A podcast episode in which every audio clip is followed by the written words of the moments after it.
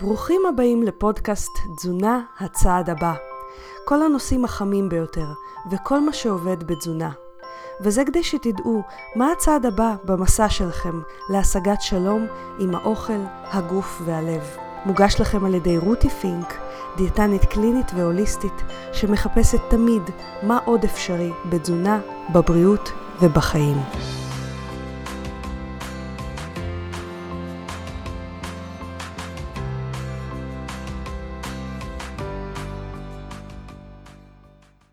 היי חברים, רותי כאן. אז למי שלא מכיר אותי, אני דיאטנית קלינית שמתמחה בסוכרת, ירידה במשקל ואכילה רגשית, עם התמחות מיוחדת בתזונה דלת פחמימות וקטוגנית ובצום לסירוגין. והיום הפרק יעסוק בהתמחות של האכילה הרגשית שיש לי. אנחנו נעסוק בשאלות של המאזינים בתחום האכילה הרגשית והפסיכולוגיה של האכילה, בדגש על תזונה דלת פחמימות. עכשיו, כעיקרון הפרק הזה מתאים לכל מי שאי פעם חווה קושי עם התזונה שלו, אבל יש כמה ניואנסים בתזונה דלת פחמימות שפחות נמצא בסוגי תזונה אחרים, לכן אנחנו נעשה את המיקוד ספציפית לאנשים שאוכלים תזונה דלת פחמימות, ואני מזכירה רק שתזונה דלת פחמימות זה טווח. בטווח הזה, הקצה התחתון שלו, זו תזונה קטוגנית, תזונה קרניבורית, עם בין 0 ל-20 גרם פחמימות בדרך כלל, ובקצה העליון שלה נמצא את התזונה שבסביבות 120-130 גרם פחמימות, שכוללת אה, מנות פחמימה בכמות נמוכה ובאיכות טובה, למשל פלאו. אה, כוללת למשל ירקות שורש, פירות בכמות מדודה, כחלק מהארוחות. עכשיו, מי שרוצה להעמיק יותר בתזונה דלת פחמימות, מוזמן, אני אתן אה, לינק לפרק על תזונה דלת פחמימות של הפודקאסט, ואני אשים אותו בהערות לפודקאסט. אז, אתם מוכנים? אנחנו מתחילים עם השאלה הראשונה שהיא תיקח אותנו ממש עמוק אל תוך העולם הרגשי. וזה יכול לקחת אותנו כל כך עמוק שייתכן שזאת תהיה השאלה היחידה שנעסוק בה, אנחנו נראה כמה זמן יהיה. אז בואו נתחיל כי השאלה הזאת בעיניי מהממת.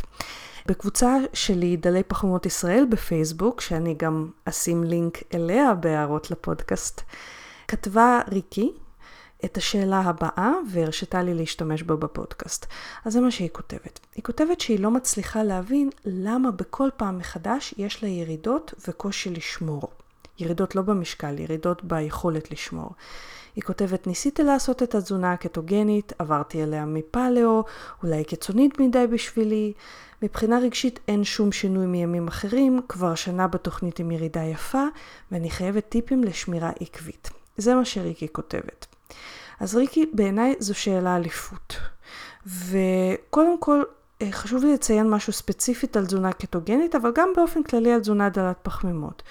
כל מי שעוקב אחרי תזונה כזאת, וגם כל מי שצם לסורגין, עושה משהו מאוד מאוד לא במיינסטרים בחברה שלנו. וחלק מהאנשים חושבים שזה מאוד מאוד קיצוני. עכשיו, לחלק, מבחינת המערך הנפשי שלהם, זה יכול להיות קיצוני. כי התזונה שלנו זה לא רק האוכל שאנחנו אוכלים, זה גם החברה שבה אנחנו חיים וכן הלאה. עכשיו, התזונה המערבית היא באמת סופר עשירה בפחמימות והיא מאוד מאוד מבוססת על פחמימות ואנחנו חיים בעולם המערבי ואוכלים את התזונה המערבית. אם אנחנו נבקר בסופר, אנחנו לרוב נראה כמויות אדירות של כל מה שמבוסס על דגנים, קמחים, החל ממשהו, דברים שנחשבים לכאורה דיאטטיים כמו פריחיות אורז, שהם יכולים מאוד להעלות את הסוכר, כל מיני חטיפים, נשנושים, באגף למשל של מוצרי החלב, רוב האגף זה דברים עם סוכר, עם פחמימות, אוקיי? אה, אגף המאפים אני לא צריכה אפילו לספר לכם. אגף דגני הבוקר זה אגף של סוכר, סוכר ועוד קצת סוכר עם קצת סוכר ודגנים. אוקיי? יש תכלס המון המון פחמימות בתזונה המערבית. אז זה בעצם הזרם שאנחנו חיים בו. תחשבו כאילו, אם אנחנו דגים, הזרם הוא לאכול את התזונה העשירה בפחמימות. וכשיש זרם כל כך חזק לכיוון מסוים, לא פשוט לחיות בחברה כזאת ובצורת האוכל הזאת.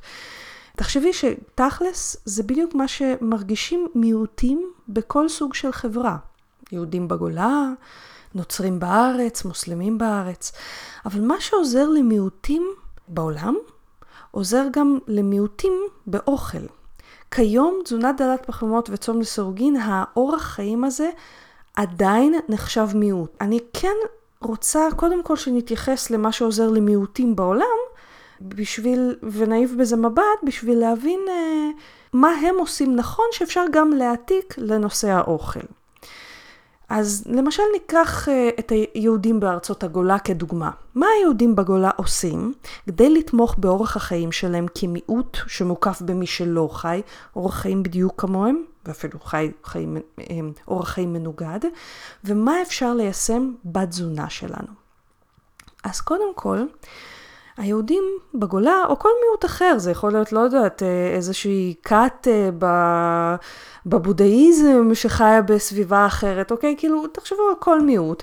ושוב, אני לא משווה בין תזונה לכת או בין תזונה לדת, אוקיי? זה לא אמור להיות ככה, אלא אני פשוט רוצה לקחת את הכלים שחלק מהמיעוטים משתמשים בהם בשביל ליישם בתזונה. זה, אנחנו נתחיל מזה ואז נעבור יותר אל תוך הרגש. אז קודם כל, זה מה שאני קוראת לו תזונה שכלית ורגשית אחרת מהסובבים. התזונה שאנחנו מקבלים הם לא רק תזונה באוכל, אוקיי? נכון, היהודים אוכלים למשל אחרת מהנוצרים או המוסלמים לצורך העניין, אה, אבל... אה, אני מדברת יותר על התזונה שהם מאכילים את השכל והרגש שלהם. למשל, יש באופן עקבי, נגיד אצל היהודים בגולה, קריאה בתנ"ך, למידת תלמוד, תפילה וקריאה של תהילים, זה למשל בדת היהודית, אוקיי? אצל הנוצרים יש קריאה בברית החדשה, יש להם ממש כאילו, זה חלק מהטקסים שהם עושים, קריאה, קריאה, קריאה. מה הקריאה הזאת עושה? זה תזונה לשכל, אוקיי? ואם אנחנו מעתיקים את הטקטיקה הזאת, את האסטרטגיה הזאת לתזונה, הרעיון הוא להתמיד בלהזין את עצמך בצורה אקטיבית באוכל שמתאים לשכל והרגש, שזה אומר מידע על תזונה דלת פחמימות ועל צום לסירוגין שעוזר להתמיד.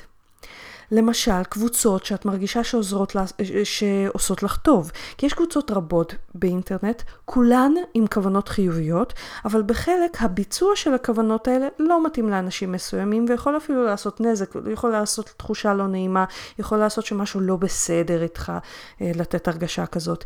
אז ממש למצוא את הקבוצות שהשיח בהן מרגיש לך מכבד, מאפשר, או אתרים עשירים במתכונים וידע. זה תזונה לשכל, למחשבות, שלא תגרום לך להרגיש כמו איזה עוף מוזר ותתמוך בך. למשל, סתם דוגמה, בארוחה המשפחתית הזאת, כשאומרים לך, אה, מה את עושה, אולי תאכלי קצת אורז, או, או איזה מין לחץ חברתי, אם יש לך אם, אם הזנת את עצמך מספיק בתזונה לשכל, כלומר רעיונות ומחשבות שתומכים בך בה, תזונה דלת הפחמימות שלך, בצום לסירוגין שלך. זה יכול להיות גם פאלאו, זה פחות uh, קריטי. אני מדברת באופן כללי. שתומכים בדרך שלך, יהיה לך מבפנים קצת יותר say שינגוד את מה שמבחוץ נאמר. בדיוק כמו שליהודים בגולה, יש את כל התורה ואת כל המסורת שהם מזינים את עצמם בה. זה מאפשר פחות לחברה החיצונית להשפיע עליהם. למשל בארץ אתרים כמו של, אה, אתרים של מתכונים דלי פחמימות, כמו של גולדי או של אולה, אה, אולצ'ף, אה, או של גולדי, הכל זהב co.il, או אתר שלי כמובן, ובחו"ל אתר נפלא שנקרא דיאט דוקטור.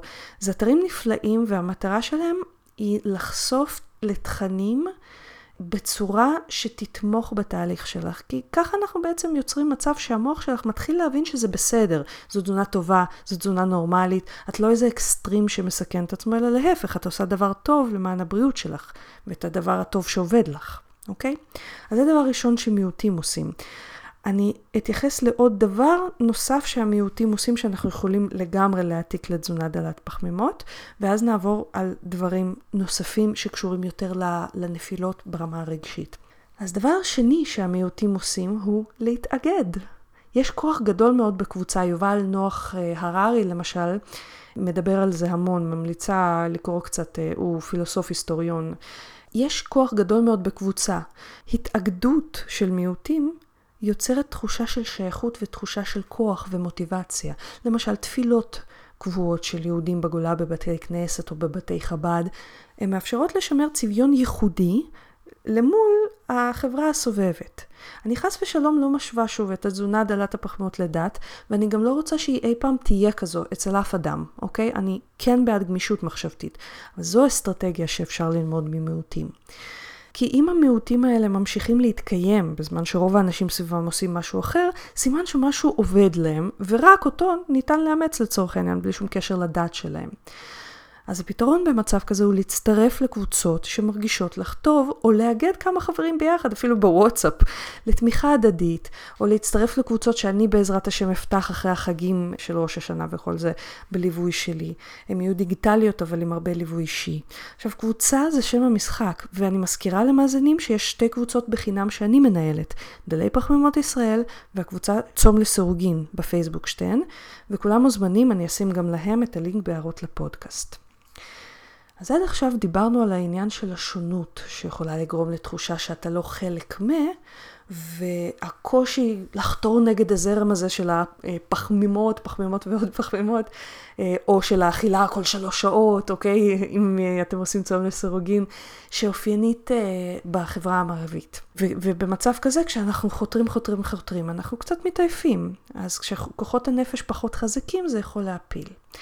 ועכשיו אנחנו נצלול עוד יותר אל תוך הפסיכולוגיה של האכילה, אחרי חסות קצרה. היי חברים, אם אתם עושים הכל ולא מצליחים לרדת במשקל, או שמצליחים לרדת במשקל, אבל זה מלווה בתחושת מלחמה ותסכול, יש סיכוי טוב שאתם מתעלמים מהסימנים שהגוף שלכם שולח.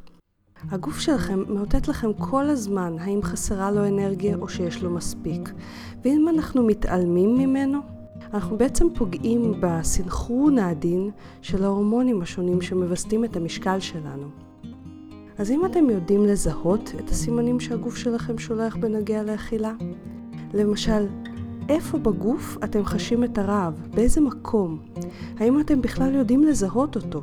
כי יש שני סימנים מדויקים שהגוף שולח שהם רעב. כל השאר אינו רעב, ואנחנו נוטים לאכול מתוך סימנים שהם לא רעב.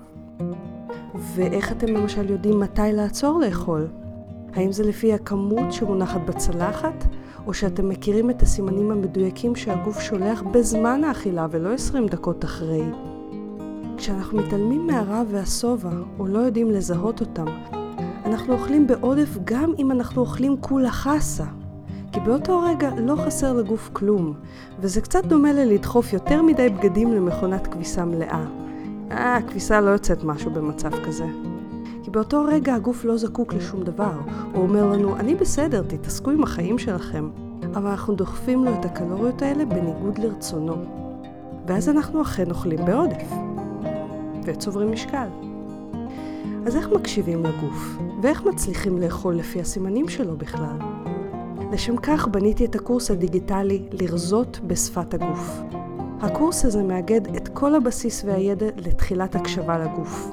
הוא מכיל סרטונים קצרים וברורים בשפה מובנת ופשוטה, ותרגילים פרקטיים שיעזרו לכם לעשות את הסוויץ' במוח בשביל להתחיל להבין מה הגוף שלכם בכלל מאותת לכם ואיך לאכול לפי השפה שלו.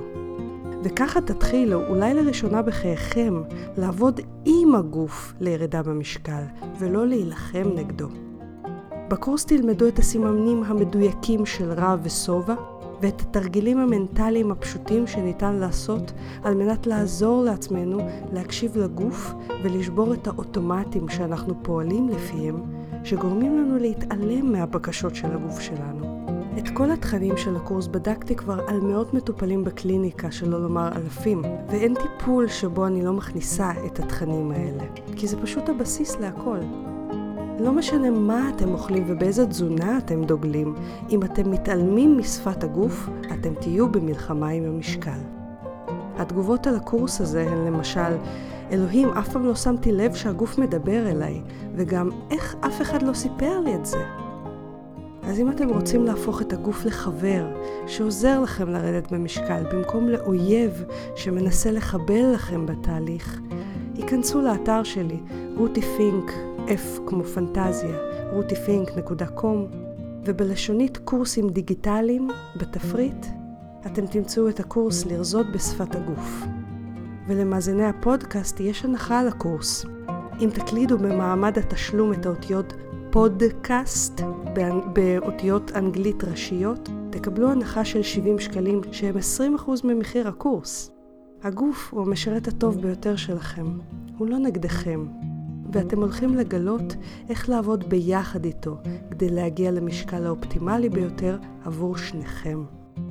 לרזות בשפת הגוף, עכשיו באתר שלי, רותי פינק, F כמו פנטזיה, rutifink.com בלשונית קורסים דיגיטליים. כי הגיע הזמן להפסיק להילחם באוכל, ולהפוך אותו להיות פשוט אוכל.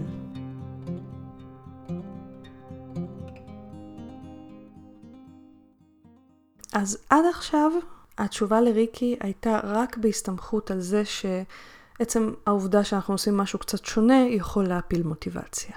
ועכשיו אנחנו צוללים אל הפסיכולוגיה של האכילה בתוך מה שריקי כתבה. יש כמה דברים שאני רוצה להמליץ לריקי אה, בשביל לשמור על התזונה שלה לאורך זמן ולמנוע נפילות. וחשוב לי להדגיש משהו, נפילות קורות אצל רוב בני אדם, זה חלק מהטבע האנושי שלנו. אף אחד מאיתנו לא מלאך, אוקיי? לשמור על משהו במאה אחוז, יש אנשים שעושים את זה, הם המיעוט, הם בדרך כלל המיעוט שאנחנו נראה הרבה ממנו בפייסבוק, כי הם ייטו לדבר על זה וכן הלאה. אבל הרוב המוחץ של אנשים מדי פעם נופל. המטרה היא שהמדי פעם הזה יהיה מאוד מאוד נדיר, אוקיי? ויש אנשים שבאמת אסור להם ליפול, אה, למשל באפילפסיה. אם אנחנו יוצאים מקטוזיס, אנחנו בסיכון של אה, התקף אפילפטי, ואת זה אנחנו כמובן לא רוצים. אז שוב, כל אדם והאפשרויות שלו ליפול, אבל מן הסתם, בתשובה של ריקי אנחנו די מבינים שאנחנו רוצים כמה, אה, ריקי לפחות, רוצה כמה שפחות ליפול. והדבר הראשון שאנחנו רוצים לזהות, זה איפה הטריגרים שלנו, טריגרים זה גורם שאם אנחנו נלחץ על כפתור של מצב מסוים, נגיד נשים את האדם במצב מסוים, יצא לו תגובה מסוימת שגורמת לאכילה. זה נקרא טריגר. טריגרים יכולים להיות במחשבות, למשל המחשבה של טוב רק הפעם, אוקיי? טריגרים יכולים להיות ברגשות. אני עצובה, אז מגיע לי, אוקיי? עכשיו זה גם רגש, הוא מפיק מחשבה, מגיע לי, ואז הולכים ואוכלים, אוקיי? וטריגרים יכולים להיות, אמרנו, במחשבות, ברגשות וגם בתחושות. למשל, הרבה אנשים, ברגע שהאוכל מתחיל להיתקל והוא מתחיל לצאת מהקיבה למעיים, אז מתפנה טיפה מקום, ויש לזה תחושה מסוימת בבטן. יש אנשים שאת התחושה הזאת מפרשים כרעב, אוקיי? או עייפות, תחושה, זו תחושה בגוף, שאנחנו מפרשים אותה כרעב. עכשיו, הטריגרים האלה הם לא תמיד פשוטים לזיהוי, כי לרוב אנחנו נוהגים כל כך באוטומט במקום הזה שאין שם שום מודעות. ולכן, עם חסרה של מודעות, לפעמים אנחנו נצטרך עין מבחוץ כדי לזהות את הטריגרים האלה. אבל עצם העובדה שתתחילו להפנות את תשומת הלב ולחפש את הטריגרים האלה, איך מחפשים אותם? אגב, פשוט שואלים, מה קדם לזה שאכלתי? האם זה היה משהו במחשבות, ברגשות, בתחושות? אוקיי? אז אם אתם תתחילו לחפש את הטריגרים האלה, אני מבטיחה לכם שתתחילו למצוא. כשאנחנו מתחילים לחפש טריגרים, לרוב זה די לא פשוט לעשות את זה בלייב, כאילו באותו רגע. כי באותו רגע האוטומט שלנו לאכול מושך אותנו. אז הרבה פעמים זה חכם נגיד, סתם דוגמה, אם ראינו שאכלנו שונה ממה שרצינו לאכול, כלומר ממה שתכננו לאכול, אנחנו בודקים מה היו הטריגרים, מה קרה שם, מה קרה שם שנייה לפני שהלכתי לאכול, מה קרה שם במחשבות שלי, מה קרה שם ברגשות שלי, מה קרה שם בתחושות שלי, אוקיי? אז דבר ראשון זה לזהות, והאמת היא שלזהות זה חצי מהעבודה, כן? אבל בואו נניח שזיהינו, נניח שזיהינו שכל פעם שאני עייפה, או כל פעם שאני עצובה, אני רוצה לאכול. מה עושים עם הטריגרים האלה? אחלה, יש לי, זיהיתי, מגניב. אוקיי, אז יש לי כפתור כזה והוא מפיק ציפור כזאת. אה, כמו בשעון קוקייה, זה מה שאני תמיד מדמיינת כשאני אומרת את הביטוי הזה, כפתור מפיק ציפור. אז מה עושים עם הטריגרים האלה?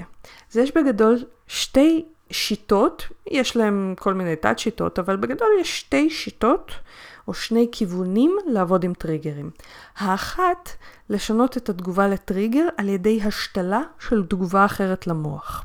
למשל, סתם דוגמה, אם אני עצובה, ועד עכשיו הייתי אוכלת באוטומט, אז התגובה שאני אשתיל למוח זה שבמקום לאכול, אני פשוט אלך לנחם את עצמי ב, אמ, לעצב שלי במקום לאכול. נגיד, אני אחבק את עצמי, אני אבכה, אני אדבר עם חברה קרובה ודברים כאלה. עכשיו, עושים את זה המון עם NLP, ממש משתילים תגובה אחרת או יחס אחר לסיטואציה בלא מודע שלנו. זה דרך אחת. דרך אחרת זה על ידי פשוט תרגול פשוט. עושים את זה יותר בשיטה שנקראת CBT. ויש עוד תתי שיטות שבתכלס פועלות לשינוי התגובה במקום הזה של הטריגר. הדרך השנייה, תכלס יש שלוש דרכים, אז בואו נדבר שנייה על הדרך השנייה. הדרך השנייה היא תרגול התייחסות לגמרי אחרת לקולות הפנימיים שמתעוררים מהטריגר הזה ושמשכנעים אותנו לחרוג מהתזונה. וההתייחסות אליהם ממש כאל אוטומט שלא חייבים להגיע אליו, כי הוא לא תמיד אומר את האמת. אתם יודעים, כשהילדה, אה, הבכורה שלי נולדה, אז היו מצבים שהיא הייתה בוכה ולא ידעתי מה לעשות איתה, והייתי אימא לילד ראשון, אתם יודעים, ממש כזה, מה, מה, מה עושים עם הדבר הזה? וחברה טובה אמרה לי, תקשיבי, כל האימהות לפעמים שוקלות, מה היה קורה אם לא הייתי מולידה אותה? והיא, והיא אמרה לי, יש אימהות שאפילו חושבות לזרוק את התינוק שלהם מחלון.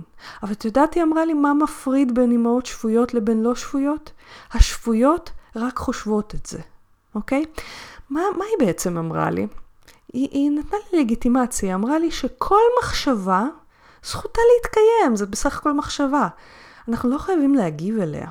מחשבות כשלעצמן הן לא מסוכנות. מה שאנחנו עושים עם המחשבות האלה זה המסוכן. וגם טריגרים עצמם הם לא מסוכנים. מה שיכול לסכן אותנו זה התגובה שלנו לטריגרים האלה. ואז מה שאנחנו עושים במצב הזה אם בפעם, בשיטה הקודמת אנחנו היינו מאוד אקטיביים, אנחנו ניסינו להשתיל בצורה אקטיבית תגובה אחרת או התייחסות אחרת, פה אנחנו פסיביים. אנחנו לא עושים שום דבר, אנחנו נותנים למחשבה הזאת פשוט לבוא וללכת, עד שהיא הולכת בעצמה. למשל, אם אני עייפה, והמחשבה שלי זה, אה, ah, אני אוכל, אני ארגיש יותר טוב, אני מסתכלת על המחשבה הזאת, ויש כל מיני שיטות לעשות את זה בצורה ש... לא, לא תערב לנו את החשק לאכול, אלא פשוט ממש להסתכל עליה, מה שנקרא, לזהות אותה ולא להזדהות איתה. לא להיות המחשבה הזאת. זה לא, יואו, איך אני חייבת לאכול, אלא אוקיי, יש לי מחשבה שאני חייבת לאכול. סתם דוגמה. זה, זה, זה דוגמה לאחת מהשיטות, יש כל מיני שיטות ש, שעוזרות לזה. אנחנו בעצם בצורה הזאת מגדלים איזשהו מרכז מול מחשבות שגורמות לנו לרצות לחרוג. המרכז הזה יכול להיות למשל, אני לא משתפת פעולה עם הסוכרת שלי. זה משפט מהמם שאמרה לי אתמול מטופלת. אני לא הולכת לשתף פעולה עם הסוכרת שלי, והיא משייכת את כל המחשבות האלה של החריגה לסכרת. אוקיי? היא אומרת, אה, הסכרת שלי אומרת לי לחרוג, טוב, אני לא חייבת לשתף איתה פעולה.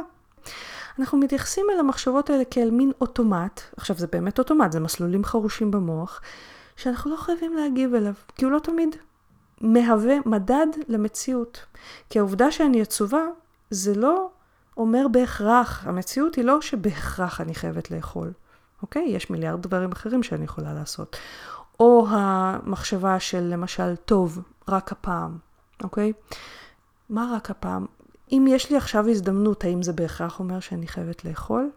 אולי יש לי פשוט מחשבה של טוב רק הפעם, ואני אתן לה לבוא וללכת? עכשיו, כשאתם שומעים את, הדו... את הטיפים האלה, יכול להיות שאתם לא כל כך מתחברים לזה, וזה בסדר, בגלל שלפעמים דרוש איזשהו תרגול או הפלת אסימונים נוספת, שאני אישית בדרך כלל נוהגת לעשות אותה אה, בקליניקה ישירות מול האדם, כי, כי אני רואה... מה בדיוק באסימון הוא צריך uh, שיזיזו לו בשביל להתחבר לאחת מהשיטות האלה. עכשיו, הדרך השלישית זה דרך המיינדפולנס. המיינדפולנס זה אומר להיות בכאן ועכשיו עם כל מה שקורה. זה המהות של לזהות ולא להזדהות. זה בעצם מאוד מאוד דומה לדרך השנייה, נקרא לזה הדרך השנייה וחצי. כי היא אומרת, אוקיי, יש לי עכשיו דחף, יש לי עכשיו רגש, יש לי עכשיו תחושה. אני אתייג את התחושה הזאת, למשל רעב רעב, או חשק חשק, או דחף דחף, זה בעצם לזהות את כל מה שעולה, לקבל אותו בצורה רדיקלית. אוקיי, טוב, אז יש לי עכשיו רעב, זה חלק מהיותי אנושית. אז יש לי עכשיו חשק לאכול כי אני עצובה. וואלה, זה אנושי, זה אכילה רגשית. כולנו יש, לכל בני אדם יש אכילה רגשית. השאלה היא מה הכמות, כי מעבר לכמות מסוימת זה יכול להקשות על הבן אדם או על הבריאות שלו. ואנחנו פשוט שם עם הדברים. זה הפסיביות בהתגלמותה. אנחנו כל כך מחפשים כאילו שיטות שיפתרו לנו את הדברים בצורה אקטיבית. תעשי לי קסם, תעשי לי, תניפי לי את השרביט קסם שלך ו- ו- והדברים ייפתרו. well, אפשר גם לא לעשות כלום, וזה עובר ממש כלום. מה זה אומר לא לעשות כלום? כי מיינדפולנס זה, זה, זה בעצם נשמע פסיבי, אבל זה נורא אקטיבי. מה האקטיביות פה? האקטיביות היא פה היא לנסות להשהות טיפה את הדחף הזה לאכול, ופשוט לתייג אותו.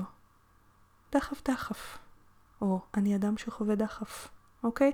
לא לנתח האם זה טריגר, האם זה לא טריגר. כלומר, אנחנו עוד פחות אקטיביים, עוד פחות מזהים את הטריגר. אני מקווה לעשות אה, פרק שלם על מיינדפולנס, אז אני לא ארחיב כאן בנושא הזה, אבל uh, ברור לכם שמה שריקי מעלה, ברור לכם כבר ממה שדיברתי, אבל אני אדבר, יש לי עוד כמה דברים, כמה, כמה טיפים לתת. אבל ברור לכם שמה שריקי מעלה הוא לא, טוב, תני לי טיפ, כי אני מנסה לתת פה טיפים, אבל אתם מבינים שהרבה פעמים זה יותר מורכב מטיפ. הרבה פעמים זה יותר מורכב ממשהו אחד שיגידו. לפעמים זה, זה באמת לתרגל, לתרגל איזשהו כלי עד שמתמחים בו. עכשיו, אופציה נוספת לנפילות אה, בתזונה יכולה להיות מה שאני קוראת לו המוח המורעב. אני אשים לכם לינק לפרק 6 בפודקאסט שלי שמדבר מאוד בהרחבה על המוח המורעב. בקצרה אני אגיד שהמוח המורעב זה דפוס, זה דפוס פסיכולוגי כנראה קדום, שמתעורר בנו כשאנחנו מרגישים מחסור, המחסור הזה יכול להיות אמיתי, כמו אין לי אף פעם אוכל, נגיד עוני, זה מעורר מספר אחד של המוח המורעב, וזה יכול להיות מחסור נתפס, כמו למשל דיאטה. עצם זה שאומרים לי אסור, בא לי יותר. אם אתם מתחברים למה שאמרתי עד עכשיו, אתם ממש חייבים לשמוע את, הפרק, את פרק 6 בפודקאסט, שמדבר על המוח המורעב, זה אחד הפרקים הכי מושמעים בפודקאסט ולא סתם, כי זה ממש מפיל אסימונים לאנשים. עכשיו, במצב כזה, ממה המוח המורעב נוצר? המוח המורעב מייצר בעצם דפוס שלא משנה כמה יש לי, חסר לי. כלומר, אם אני אגיד לבן אדם שנדלק אצלו המוח המורעב מהגבלת פחמימות, אם אני אגיד לו, טוב, אבל מותר לך נגיד ממתקים דלי פחמימות, זה לא יהיה לו מספיק, הוא ירצה לחרוג. יהיה לו ממש כמעט כאילו תחושה כזאת של, אה, אבל אני רוצה דווקא לחרוג, אוקיי? למה? זה ממש כמו חווה והתפוח, כאילו, היה להם את כל גן עדן. אבל ת, לא תפוח, את הפרי עץ הדעת הם, הם דווקא רצו. למה? כי זה היה אסור. עכשיו, מה עושים עם הדבר הזה? ושוב, זה ממש לא ברמה של טיפ, זה ממש ברמה של uh, עבודה מאוד מאוד גדולה על, ה, על המודעות שלנו ועל התודעה שלנו. Uh, במצב כזה, אנחנו, המטרה שלנו באיזה כלי שלא נבחר, זה יכול להיות NLP, זה יכול להיות שיחות, זה יכול להיות הכל. במצב כזה, דווקא הטמעה של התחושה שהכל מותר, אבל לא הכל מועיל, יכולה לעזור. אני מאוד מפרטת על זה בקורס שלי, של לרזות בשפת הגוף, שבו אני מלמדת הקשבה לגוף, כי השיטה, הגישה הזאת של הכל מותר אבל לא הכל מועיל, היא מאוד מאוד חשובה לפסיכולוגיה שלנו ולאי הדלקה של המוח המורעב. אז אני אפרט עליה בקצרה, אם אתם רוצים להרחיב עליה, תיכנסו ותרכשו את הקורס אה, לרזות בשפת הגוף, כמובן הלינק בהערות לפודקאסט, כי, כי אני מדברת שם בהרחבה מאוד על זה. מה זה אומר הכל מותר אבל לא הכל מועיל? אם אתם באמת חורגים, לא משנה באיזה תזונה אתם, אתם חורגים. וברק לא נפל עליכם מהשמיים, אז כנראה שזה מותר, נכון? כאילו, בואו, נשאיר מבט. אתם גם ככה חורגים, אם אתם כמובן חורגים, אוקיי? אז האם זה מותר? כן, זה מותר. אף אחד לא הרג אתכם על זה. אבל מצד שני, זה מן הסתם לא מועיל, על זה אין ויכוח, אוקיי? אנחנו לא יכולים להתווכח עם חוקי הפיזיקה והביולוגיה. מותר לכם לאכול עשרת אלפים קלוריות ביום. למה? כי גם אם תאכלו, ברק לא ייפול מהשמיים. ולא ישימו אתכם בבית דין או, או בכלא. אז מותר, אוקיי? ברמה הכי הכי רחבה, מותר. מצד שני, הפיזיקה והביולוגיה כן פועלים. כלומר, עשרת אלפים קלוריות לא יועילו לכם בשום צורה. אוקיי? אלא אם כן אתם מייקל פלפס ושורפים 11 אלף, לא יודעת מה, בבריכה. אה, יכול להיות שזה מעורר אצלכם איזושהי תחושה של חוסר נוחות, או זה, זה לאן היא חותרת. אני מדברת על זה מאוד בהרחבה בקורס, אז זה, זה קצת קשה לדחוס את זה בקצר.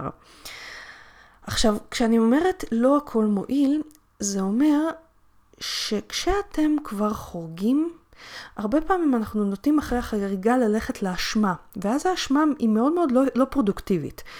מה שהרבה יותר פרודוקטיבי זה להגיע לאוכל ולתרגל את תודעת השפע הזאת של כן, מותר לי לאכול הכל. ומתוך המותר לי הזה, שבהנחה שהכל מותר, מה באמת בא לי לאכול? מה באמת בא לי לאכול? לפעמים זה יהיה שטויות. אבל ככל שתתרגלו יותר קשב לגוף, אתם תגלו שזה הרבה פעמים באמת אוכל אמיתי, והרבה פעמים הוא גם יהיה דל פחמימות. עכשיו, איפה הלא הכל מועיל נכנס פה? תבדקו. אם כבר חרגתם, תבדקו איך זה מרגיש פיזית. זה חלק מהקשב לגוף, זה, זה חלק ממה שאני מלמדת בקורס של לרזות בשפת הגוף. כשאתם חורגים, הגוף מגיב. ואז אתם לא צריכים לשנן לעצמכם אה, כל מיני מנגנונים פיזיים שזה יכול להזיק לכם. אתם פיזית מרגישים את זה בגוף, אתם מרגישים ירידה באנרגיה, אתם מרגישים לחץ בבטן, אתם מרגישים כבדים, אתם מרגישים לא טוב. זה הלא הכל מועיל, זה הפידבק הכי מיידי. עכשיו זה יכול להיות דקה אחרי זה, זה יכול להיות שעה אחרי זה. אני אתן לכם את הדוגמה של גלוטן. ברוב המוחץ של הזמן אני לא אוכלת גלוטן. גלוטן עושה לי מצב רוח מאוד מאוד אה, רע. הוא עושה לי ממש דיכאון, כאילו, ולא מתוך איזושהי אשמה. אני תמיד מסתכלת על גלוטן ואני לא אומרת לעצמי, או, oh, אסור מחוץ לתחום. אני אומרת, מותר לי. האם כרגע זה יועיל לי והאם אחר כך זה יועיל לי. ויועיל לי לא ברמה תיאורטית, אלא יועיל לי ברמה המאוד מאוד של איך אני ארגיש פיזית. וכיוון שהיו מספיק פעמים שאחרי שאכלתי גלוטן, במקום להרגיש אשמה, הסתכלתי איך פיזית ורגשית הרגשתי, זה טבוע לי כבר במוח, ההבנה הזאת של גלוטן עושה לי רע. אז זה הקטע של הכל מותר, אבל לא הכל מועיל. ואם לא התחברתם, אני מאוד ממליצה לכם דווקא לרכוש את הקורס לרזות בשפת הגוף, כי מאוד לא פשוט להסביר את זה בקצר. דוגרי, אני אומרת לכם. ניסיתי כמה שאפשר להסביר את זה בקצר. את הכל מותר, אבל לא הכל מועיל. בפועל, אני עובדת המון עם המטופלים כשהם נעים בין קטוגני לבין כל ממתקי העולם. אני עובדת איתם כמה מפגשים על הכל מותר, אבל לא הכל מועיל. וזה מתאזן. החריגות האלה של שחור או לבן מאוד מתאזן. הרבה פעמים בולמוסים נעלמים כשקולטים את הכל מותר, אבל לא הכל מועיל לזה. אז זה ככה משהו שיכול גם לעזור במצבים של נפילות. למידה של mindset שהכל מותר, אבל לא הכל מועיל, מפחיתה בכמות אדירה את כמות הנפילות. זה יכול להיות האסימון היחיד שתצטרכו. עכשיו, עוד כמה דברים שיכולים לקרות. יכולות לקרות ירידות במוטיבציה באופן כללי בכל תהליך אצל כל בני אדם, וגם אם הולך לכם עכשיו חמש שנים טוב, זה לא אומר שבשנה השישית לא יהיה נפילת מוטיבציה. עכשיו, במיוחד אם המוטיבציה שלכם היא מה שאני קוראת לו מוטיבציית הנמר. אני מדברת לעומק על מוטיבציות בפרק 12, אז אני כמובן אשים אליו לינק, ובקצרה אני אגיד, מוטיבציה היא משאב מתכלה, במיוחד אם זו מוטיבציית הנמר. למה היא משאב מתכלה? כי דברים משתנים בחיים שלנו. משהו שריגש אותנו פעם לא מרגש אותנו תמיד אחרי עשר שנים. עכשיו, מה זה מוטיבציית הנמר הזאת שיש לה נטייה להתכלות מהר?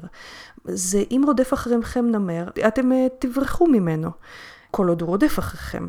ברגע שהנמר נעלם, למה שתמשיכו לרוץ? זו מוטיבציה שאנחנו בורחים ממשהו.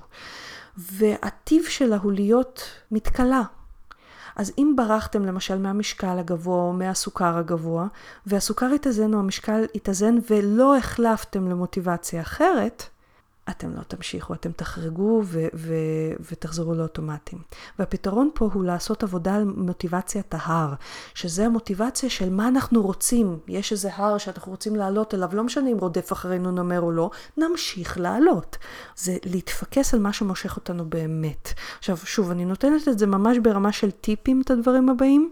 אבל זה דברים, זה עולם ומלואו שבטיפולים האישיים אני עוסקת בהם לפעמים אפילו כמה פגישות. עוד דבר שיכול להיות זה ירידה בכמות האנרגיה הכללית בחיים שלנו, שאנחנו לא תמיד מודעים אליה. ונגיד, דברים אחרים, תחומים אחרים בחיים לקחו מאיתנו כוחות. במצב כזה כשיש לנו פחות כוחות. אז הרבה אנשים ירצו ללכת לאוטומטים שלהם. והפתרון פה הוא להטעין את כוחות הנפש. ממש לעשות משהו שאני קוראת לו היגיינה נפשית, להטעין את עצמכם בטוב, ברמה יומיומית, ממש לפנות לזה זמן, לקרוא ספר טוב, לעשות אהבה אם יש לכם עם מי. אפילו להדליק נר אה, זה משהו שעושה לחלק מהאנשים טוב. משהו שייתן לכם תחושה שאתם קיימים שם. זה אחד הדברים שמטעינים כוחות נפש. ונקודה אחרונה שאני רוצה לדבר עליה, ויכולה לגרום לנפילות אדירות, היא המחסור בקבלה לאנושיות שלנו. זה קיים בכל סוג של תזונה אדוקה, כולל תזונה דלת פחמימות, כולל צום לסירוגין, כולל קטוגני. ולמה חשוב לדבר על זה? כי לפעמים דווקא חוסר הקבלה של האנושיות שלנו, של העובדה שכן, רובנו הגדול לא עושה 100% מהזמן שום דבר, אוקיי? אז לפעמים דווקא חוסר הקבלה של המצב הזה מחמיר את החריגה ומקשה על החזרה לאכילה בריאה יותר ולקשב טוב יותר לגוף. איך זה קורה? חרגנו, אנחנו מרגישים אשמים, אנחנו בחוסר קבלה, זה יוצר תסכול, זה מגביר את הלחץ, זה מוריד כוחות נפש, מתחילים טריגרים כמו, אה, זה לא שווה, זה לא הולך, זה לא יצליח. החריגה גדולה יותר, והחזרה גדולה יותר לאוטומטים.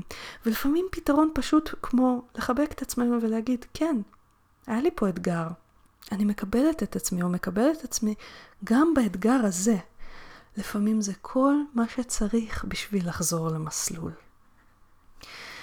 אז לא יהיה לנו זמן לשאלות נוספות, אבל אני מקווה שהפודקאסט הזה נתן לכם כמה נקודות למחשבה על כמה השינוי התזונתי הוא לא טריוויאלי ולא כזה פשוט כמו שרוב האנשים חושבים.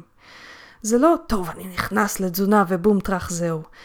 כל הדברים שציינתי בפרק הזה, זה בדיוק הדברים שדורשים עבודה, ואם אתם מתקשים, אם אתם רואים שאתם חורגים, תפנו לאיש מקצוע.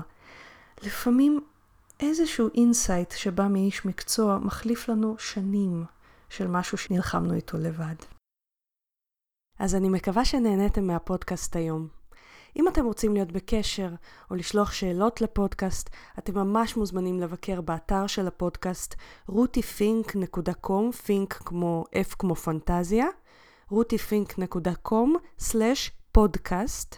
אתם גם מוזמנים לחפש אותי ביוטיוב, יש לי ערוץ מלא בסרטונים על תזונה דלת פחמימות וצום לסירוגין, פשוט חפשו רותי פינק ביוטיוב.